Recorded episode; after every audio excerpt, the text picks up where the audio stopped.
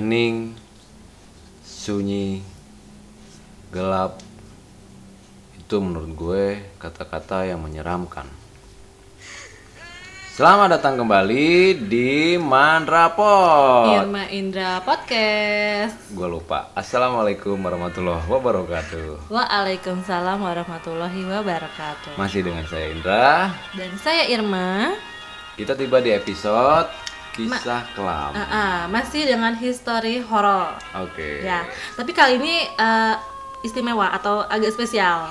Ah. Karena kami akan membacakan kiriman cerita horor dari eh, rekan kami yang sudah mengirimkan melalui email.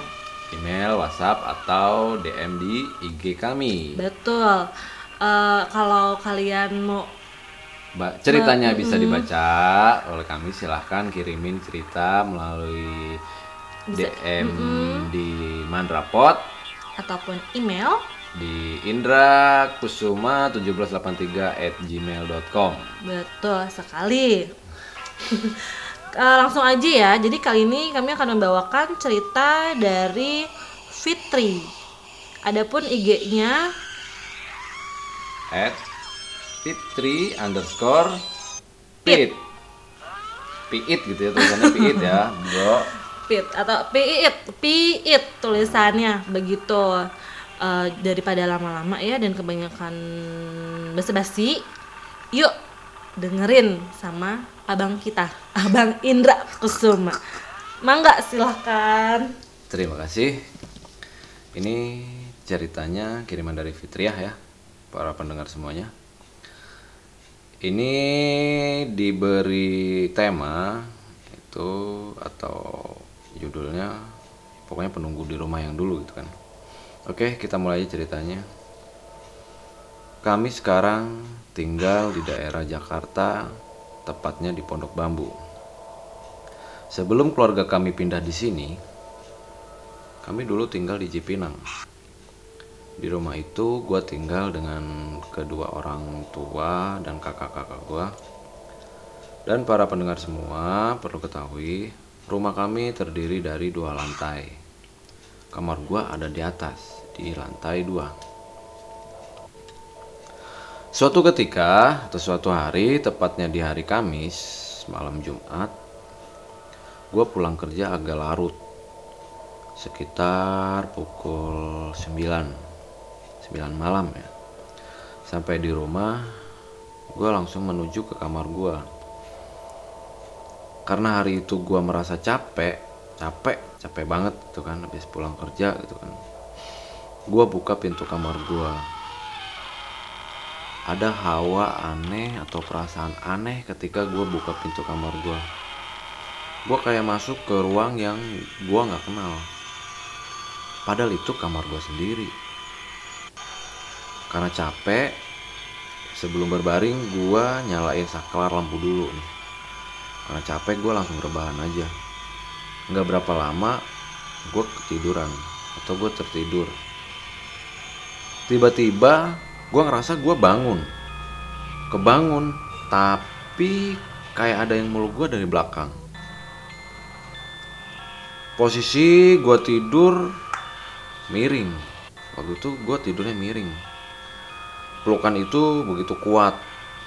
Dan ada eh, rada bau-bau anyir gitu kan.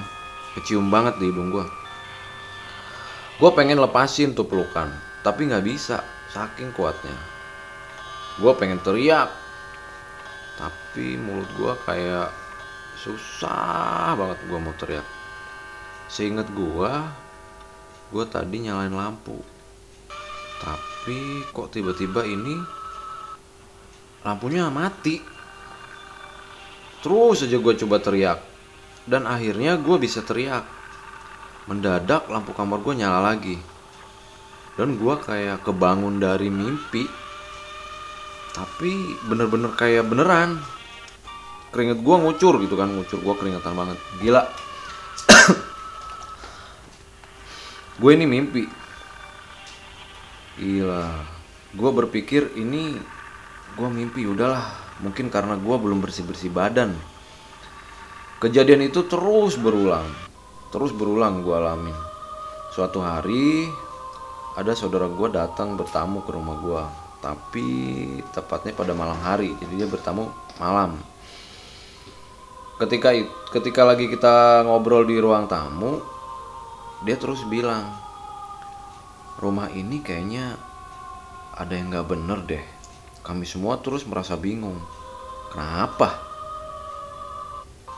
Ada yang nggak seneng kami tinggal di sini dia seorang wanita.